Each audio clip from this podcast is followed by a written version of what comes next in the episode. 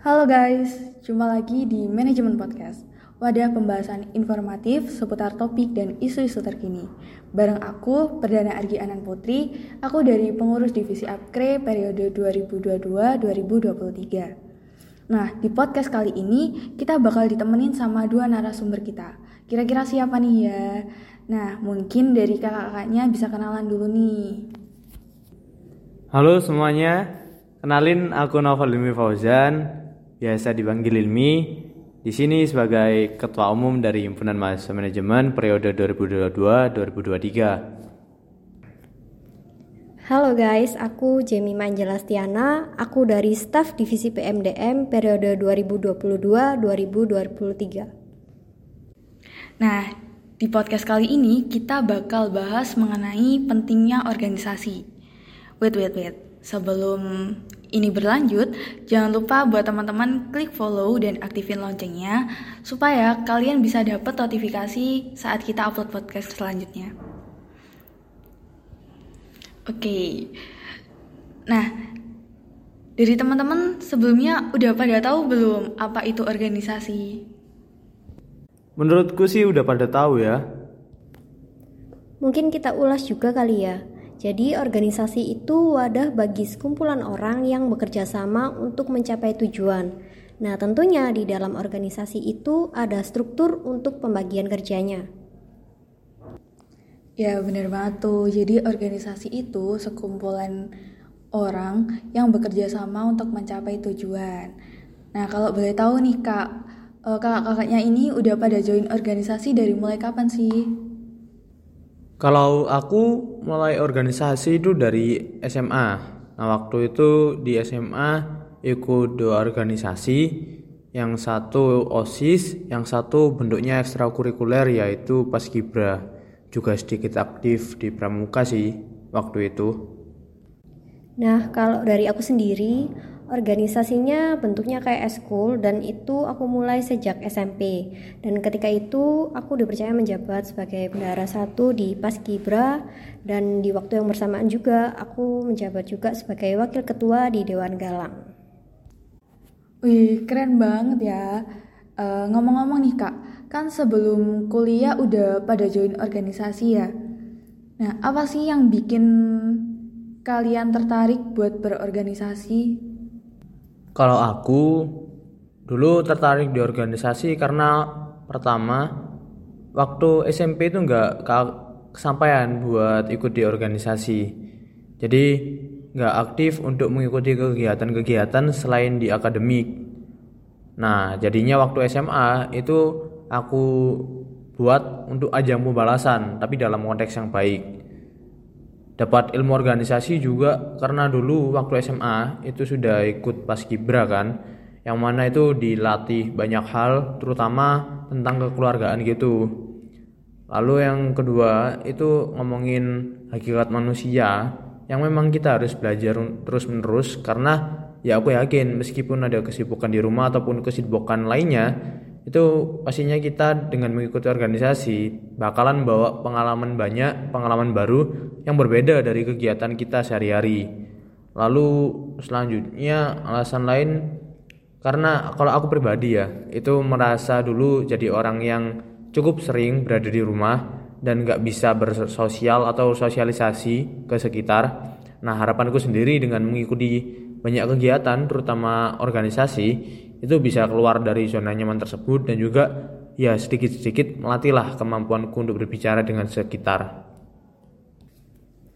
Nah, kalau dari aku sendiri, yang bikin aku tertarik dan akhirnya mau gabung ke organisasi itu awalnya jujur aku waktu itu lagi bosan dan jenuh gitu sama sekolah. Di mana ya kita cuman belajar, ngerjain tugas, terus sesekali main, terus ya pulang kayak gak ada hal produktif lainnya. Dan ketika di rumah karena gak ngapain-ngapain juga, akhirnya aku pengen aja gitu cari hal baru atau bisa dikatakan kesibukan lain lah di luar hal akademik aku dan tanggung jawab sebagai siswa. Nah di sisi lain juga aku hampir sama ya kayak Mas Hilmi tadi pengen juga keluar dari zona nyaman dan mau ningkatin cara bersosialisasi aku supaya lebih baik dan kebetulan juga ketika itu aku sempat mengamati nih, ada beberapa kak kelas atau kakak tingkat yang aku kenal keren gitu, karena jago banget public speaking, terus jago bersosialisasi, dan keren cara berpikirnya. Dan kakak kelas ini ternyata juga ikut organisasi. Nah, dari situ aku akhirnya kepo dan tertarik hingga memutuskan buat ikutan ke organisasi. Wah, bisa banget nih ya. Banyak hal menarik dan keren kayak latihan percaya diri, buat ngomong di depan, terus mengisi waktu luang dengan hal yang bermanfaat tentunya. Nah, dari organisasi yang kakak-kakaknya ikutin nih, gimana sih pengaruhnya ke kehidupan kalian? Hmm, untuk sementara ini tuh entah ya, Mbak, bisa dibilang berpengaruh atau enggak. Tapi kalau ngomongin untuk kehidupan ke depannya ya, itu aku kalau mengulas kembali yang udah lalu-lalu yang udah aku jalanin jelasnya ikut organisasi itu membawa cukup banyak hal paling jelas itu di soft skill ya nah jadi eh, dengan ikut organisasi itu lebih doyan ngomong lebih doyan bersosialisasi terus cara atau pola pikir juga terbentuk dengan mengikuti organisasi. Banyak juga dapat kenalan. Yang mana kenalannya ini dari organisasi atau dari kegiatan-kegiatan yang kita ikuti ya melalui organisasi itu sendiri. Nah kenalannya juga bukan kenalan yang kaleng-kaleng lah bahasanya. Karena ya tergantung kita nanti ngefilternya bagaimana. Tapi jelasnya orang yang ikut organisasi atau kita mengikuti suatu kegiatan yang dengan membawa nama organisasi kita itu pastinya orang-orang yang ada di sana itu orang-orang yang istilahnya udah diseleksi juga jadinya baiklah untuk bekal kita ke depannya Nah, kalau beruntung lagi ya, itu pengalaman dari yang kita punya, yang udah pernah kita dapat, itu bakalan kepakai di kehidupan ke depannya. Tapi kepakainya dalam hal apa, ya kan kita belum tahu ya. Maka dari itu, ya aku sebagai orang muda aja sih, yang masih punya banyak waktu luang, memanfaatkan banyak waktu luangku untuk mencari pengalaman. Barangkali dari pengalaman tersebut, entah yang mana, itu bisa aku terapin di kehidupan selanjutnya dan bisa lebih memudahkan. Kayak gitu. Kalau bicarain tentang pengaruh ya menurut aku organisasi cukup kerasa ya pengaruhnya ke kehidupan aku.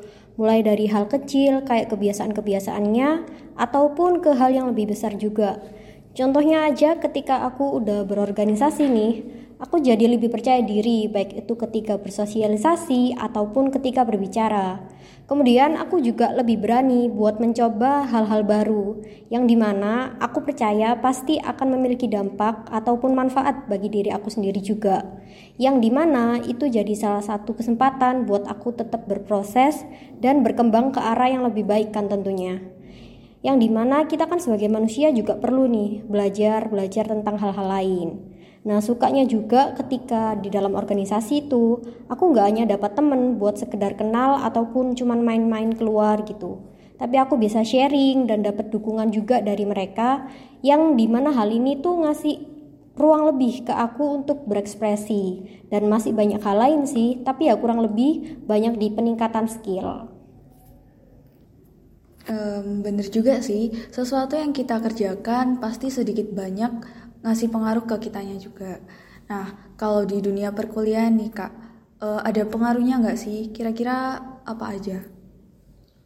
Wah, kalau dunia perkuliahan itu jadi yang terjadi sekarang ya. Kebetulan kan sekarang juga masih menjabat di organisasi, masih mengikuti di organisasi.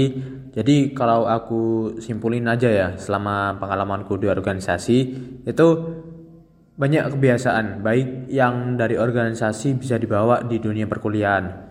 Salah satunya itu kebiasaan berdiskusi. Nah, jadi kalau kita nih misal ikut kelas, lalu kelas tersebut ini jalannya gitu-gitu aja, dosen menyampaikan flat, mahasiswa juga nggak ada yang merespon. Nah, kita ini ada sedikit apa ya insting untuk menghidupkan diskusi tersebut, untuk menghidupkan kelas tersebut. Jadinya yaitu kebiasaan baik. Satu contoh kebiasaan baik dari organisasi ke perkuliahan. Nah, di organisasi juga sedikit banyak dikasih tahu tentang dialektika. Jadi dialektika itu seperti kita proses untuk berpikir lah. Nah, hal-hal yang disampaikan dari dosen itu jadinya aku sendiri nggak menerima secara mentah-mentah apa yang diajarin sama dosen kadang aku cari referensi lain itu bener gak sih yang dikatain dosen lalu apa celahnya di kehidupan sekarang? Apakah nggak ada ilmu yang lebih baru? Jadi kayak gitu-gitu.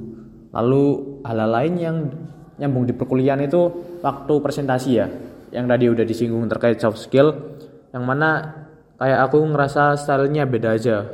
Aku waktu SMP aku waktu SMA dan juga sekarang yang mana sekarang ya aku merasa aja untuk public speaking atau caraku berpresentasi itu beda. Lalu hal, lain yang mungkin positif juga ya itu bisa lebih kenal ke kating-kating ke adik tingkat dan juga ke dosen-dosen. Yang mana ketika kita berbicara dengan orang-orang itu kita nggak hanya nanti sharing terkait organisasi aja tapi juga sharing terkait akademik atau sharing terkait pengalaman-pengalaman lain yang memang nggak bisa diketahui secara umum tapi kita harus secara personal. Nah kan kalau nggak kenal biasanya sungkan ya. Nah di organisasi itu bener-bener bukain banyak hal sih. Lalu satu lagi ya ini yang mungkin cukup penting itu bener-bener di kenalan nah jadi kan kalau ikut organisasi ada di tingkat ada kakak tingkat dan juga mungkin yang udah lulus lulus ya nah kakak tingkat yang udah lulus lulus ini biasanya bener-bener banyak membantu di kegiatan perkuliahan salah satunya bukain relasi jadi seperti aku sekarang Mbak Anan itu kalau PKL ya nah ini kan bingung kalau mau cari PKL sendiri mandiri itu di mana. Nah, aku beberapa kenal ke alumni, ke kating-kating, itu akhirnya tanya dan juga mereka ada yang bisa membukakan relasi dan juga jalan agar aku dapat PKL. Jadi banyak banget yang bisa didapatin ketika kita berorganisasi di dunia perkuliahan, Mbak Anan. Oke, kalau dari Kak Jemima nih gimana Kak? Nah, kalau dari aku sendiri ya, cukup banyak yang aku sendiri rasain ketika di dunia perkuliahan yang juga aku jalanin sekarang. Tapi mungkin bisa aku lebih singkat aja. Yang pertama, hampir sama kayak Mas Hilmi tadi, mengenai tentang kemampuan komunikasi. Jadi, salah satu hal yang aku rasain banget ketika aku sering sekali berdiskusi di organisasi yang membahas suatu hal ataupun ketika memberikan feedback dengan bentuk pendapat atau kritik. Lalu juga bagaimana kita mampu mempresentasikan ide gagasan tentang sesuatu.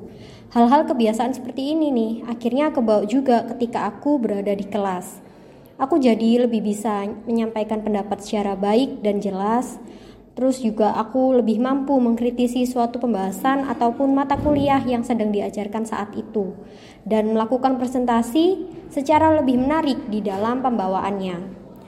Lalu juga berkaitan dengan etika, yaitu aku jadi lebih bisa menghargai dan menerima pendapat yang mungkin berbeda dari aku.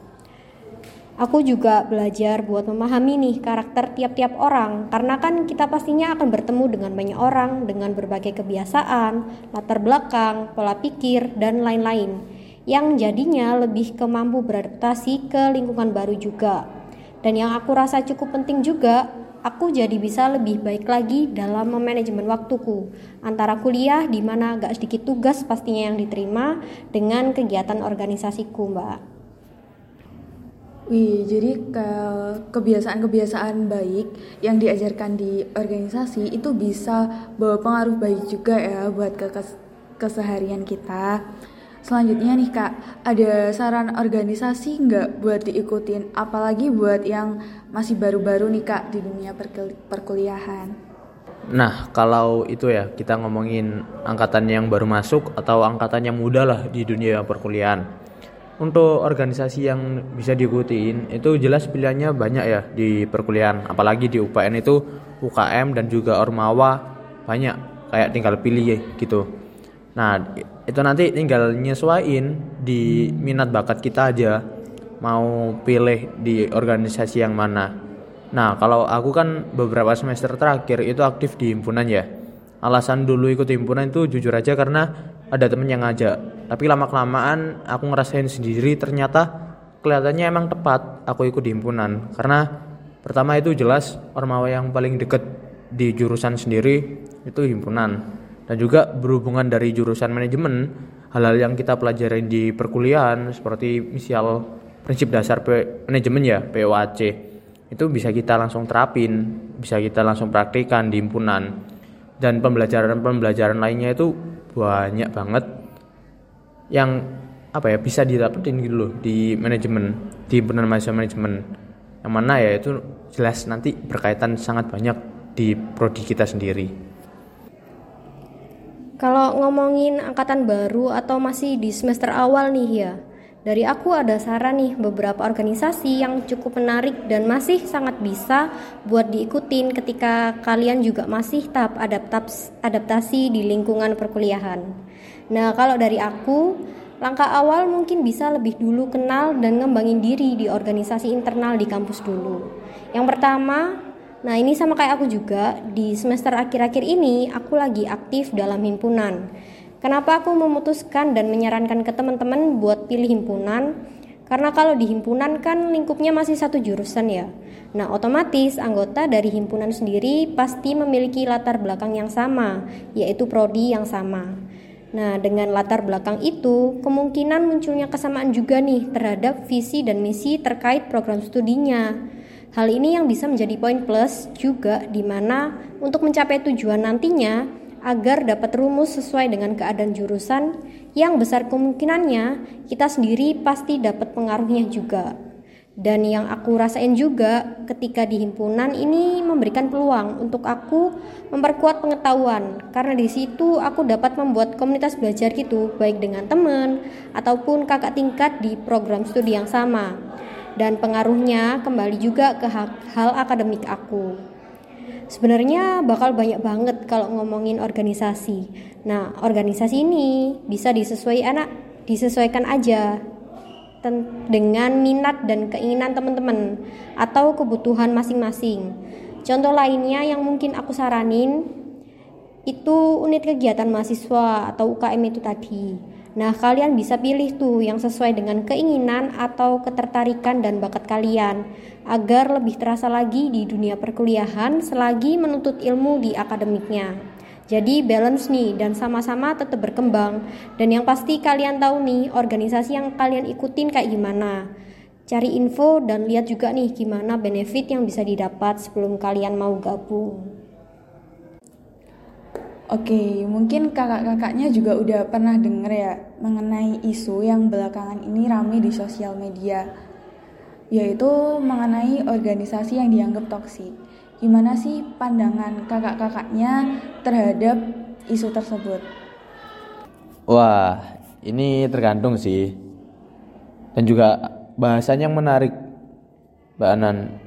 Ada yang bilang kayak gitu karena dia mungkin udah nyemplung ya, udah ikut organisasi, tapi ada juga sebagian besar itu yang bilang seperti itu, tapi dia nggak atau belum bergabung di organisasi. Nah, itu biasanya perdebatannya rame nih, terlebih ketika kita bahas terkait nanti mahasiswa kupu-kupu, kuliah pulang, kuliah pulang, atau kura-kura, kuliah rapat, kuliah rapat. Tapi ya kembali lagi itu nanti jadi apa ya seperti ya pilihannya masing-masing aja masing-masing mahasiswa. Nah tapi kalau di sini ya menanggapi hal tersebut aku jadi pihak yang netral aja deh. Yang dijadiin pikiran pertama pokoknya itu jangan sampai kita terlalu berharap di organisasi. Karena apa? Karena organisasi itu adalah sebuah wadah. Yang mana sebuah wadah ini nggak bisa hidup kalau orang-orang yang ada di dalamnya tidak menghidupkan. Nah kalau ada pikiran organisasi itu toksik ya itu balik ke orang-orang yang ada di dalamnya dulu. Kenapa kok bisa muncul hal-hal seperti itu ungkapan seperti itu? Dan juga ya kita juga harus berpikiran untuk ini sih nggak terlalu banyak berharap di organisasi. Jadi kalau ada sebuah ungkapan ya bukan perkara apa yang bisa diberikan bangsa ini untuk kamu tapi apa yang kamu bisa berikan untuk bangsa ini sama juga dalam hal organisasi. Jadi ya kita harus balance saja untuk menyesuaikan harapan dan juga realita yang ada. Ya kembali lagi, itu nanti jadi ke pola pikir kita masing-masing yang memiliki pengalaman di organisasi mau menganggap organisasi itu toksik atau enggak. Tapi ya itu sih kalau pikirku sebuah wadah ya. Gak mungkin lah sebuah wadah ini bisa menyebabkan suatu ketoksikan kalau bukan elemen-elemen yang ada di dalamnya yang membuat hal seperti itu. Waduh, ini memang lagi cukup menarik dan ya memang lagi ramai dibahas akhir-akhir ini. Organisasi toksik ya. Ini mungkin bisa saja dinilai dari beberapa beberapa indikator. Mungkin bisa jadi tentang bagaimana berjalannya suatu komunikasi dalam organisasi itu, atau ketika mengeluarkan suatu putusan atau kebijakan, lalu ketika terjadi konflik, atau terkait efektif dan efisiensi rapat dan penjalanan program kerja yang dilakukan, serta banyak hal lainnya. Dan benar kata Mas Himi tadi, pendapat kayak gini tuh kembali lagi kepada perspektif masing-masing individu itu juga. Bagaimana dia menilai tentang organisasi tersebut. Nah, kalau kataku nih, sebenarnya banyak banget organisasi yang bagus dan keren. Cuman ya mungkin karena ada satu dua hal yang gak sesuai sama ekspektasi diri sehingga bisa ngebuat dia mikir kalau hal itu tuh toksik. Padahal kalau dilihat juga pasti ada kok benefit yang didapatkan. Nah kalau kalian ngerasa ada hal yang gak sesuai tuh sebenarnya bisa banget buat ngasih saran atau masukan ke pengurus agar ditindaklanjuti ya sebagai mahasiswa lah ya. Kita tuh udah seharusnya kayak memegang peran. Kayak dapat dikatakan kan mahasiswa agen perubahan nih. Nah kalian bisa gunain peran itu buat merubah organisasi yang menurut kalian sedikit gak sesuai atau gimana ke arah yang lebih baik. Atau mungkin bisa jadi juga belum satu persepsi dengan anggota yang lain sehingga kalian nganggapnya toksik. Nah, hal-hal kayak gitu kalian bisa konsolidasi lagi dengan teman atau anggota yang lain nih. Nah, terus nih ya kak, menurut kakak-kakaknya nih, kapan sih waktu yang tepat buat kita berorganisasi? Oke, kapan waktu yang tepat untuk kita berorganisasi? Nah, berhubung kita ini sekarang udah perkuliahan ya, yang mana kita secara akademik itu wajibnya sekolah 12 tahun, sisanya ini dipilih atau enggak terserah. Nah, kalau kita ngomongin organisasi, terutama organisasi untuk teman-teman yang berada di dunia perkuliahan, menurut aku lebih cepat lebih baik sih. Jadi kalau misal di semester awal karena di UPN ini nggak ada aturan untuk teman-teman mahasiswa dilarang untuk mengikuti suatu kegiatan atau aktivitas di organisasi ya maka ya ikut aja dari awal sebanyak-banyaknya. Jadi teman-teman ini mendapatkan sebuah pengalaman yang banyak di waktu atau beban perkuliahan yang belum berat. Nah kebetulan banget nih sekarang di himpunan mahasiswa manajemen Mbak Anan itu buka pendaftaran LKMM atau latihan kepemimpinan mahasiswa manajemen. Yang mana LKMM ini nantinya sebagai suatu syarat agar teman-teman bisa bergabung di himpunan mahasiswa manajemen. Nah untuk kalian yang saat ini menjadi angkatan 2022 ya atau yang sedang duduk di semester 2 itu ayo nggak ada salahnya kalian mengikuti kegiatan LKMM ini. Yang mana nanti setelah kalian mengikuti kegiatan LKMM Jelasnya kalian akan jadi bagian dari himpunan mahasiswa manajemen yang mana seperti yang aku sama Mbak Jimma jelaskan banyak sekali manfaat atau benefit yang didapatkan setelah kita mengikuti organisasi terutama MM di kehidupan perkuliahan. Hal-hal lain kenapa kalian harus mengikuti LKMM ini nanti ada hubungannya dengan SKPM atau Satuan Kredit Poin Mahasiswa. Yang mana SKPM sendiri teman-teman itu bakal jadi syarat untuk kita yudisium. Jadi ada satu minimal satu nilai minimal untuk kita memenuhi nilai tersebut agar kita bisa yudisium. Yang mana seingatku ya itu rentangnya antara 100 sampai 150 nah itu poin atau nilai yang dasar banget dan juga kalau misal dinilaikan itu mungkin dapat C. Nah dengan teman-teman mengikuti kegiatan LKMM itu nanti sudah dapat 30 poin sendiri. Belum ketambahan ketika teman-teman mengikuti kepanitiaan Terlebih ketika teman-teman ini menjadi ketua pelaksanaan di ketua pelaksana di kegiatan himpunan mahasiswa manajemen. Nah, jelasnya sertifikat-sertifikatnya itu bisa kita konversikan teman-teman menjadi kredit poin mahasiswa. Jadinya kalau teman-teman udah melewati batasnya itu tadi bakalan dapat nilai yang lebih baik lah. Dan juga teman-teman nggak perlu pusing-pusing untuk memenuhi kriteria-kriteria lain atau syarat-syarat lain untuk kita mencari poin SKPM itu? Nah, kalau dari aku, kapan waktu yang tepat untuk gabung di organisasi? Pastinya ya lebih cepat lebih baik pokoknya. Boleh banget dan gak salah kan buat ambil start lebih awal daripada teman-teman kalian yang lain. Aku mau nambahin juga dari yang disampaikan sama Mas Hilmi tadi, kenapa sih teman-teman harus join LKMM dan apa sih yang bakal didapetin nantinya? Nah, sesuai namanya ya, latihan kepemimpinan mahasiswa manajemen. Nah, di sana nanti kalian akan diajarkan nih bagaimana membentuk dan meningkatkan kemampuan kepemimpinan kalian. Gak hanya hal itu juga, kalian pastinya akan dapat menambah ilmu dan wawasan baru di dunia perkuliahan. Yang aku yakini gak hanya di dunia kuliah aja, tapi pasti juga ke kehidupan pribadi kalian masing-masing. Hal lain atau benefit lain yang bisa kalian dapatin itu bisa juga relasi kan nggak semua nih teman-teman manajemen kalian kenal. Mungkin ketika kalian ikut LKMM bakal kenal nih teman-teman baru yang bisa kalian jadiin teman. Atau nggak hanya teman di angkatan kalian atau mungkin bisa nih kakak-kakak tingkat kalian.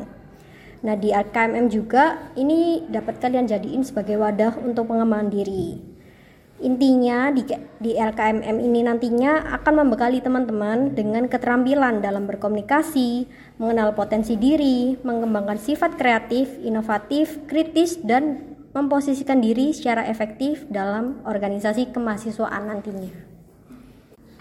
Wah, menarik banget nih benefitnya. Buat kalian teman-teman yang lagi dengerin podcast dan ada keinginan untuk daftar organisasi, yuk buruan daftar dari sekarang. Karena seperti kata Kak Jemima tadi, lebih cepat lebih baik. Oke, sekian podcast kali ini. Mohon maaf apabila ada salah kata atau kekurangnya. Kita akhiri. Terima kasih sudah mendengarkan. See you on next podcast.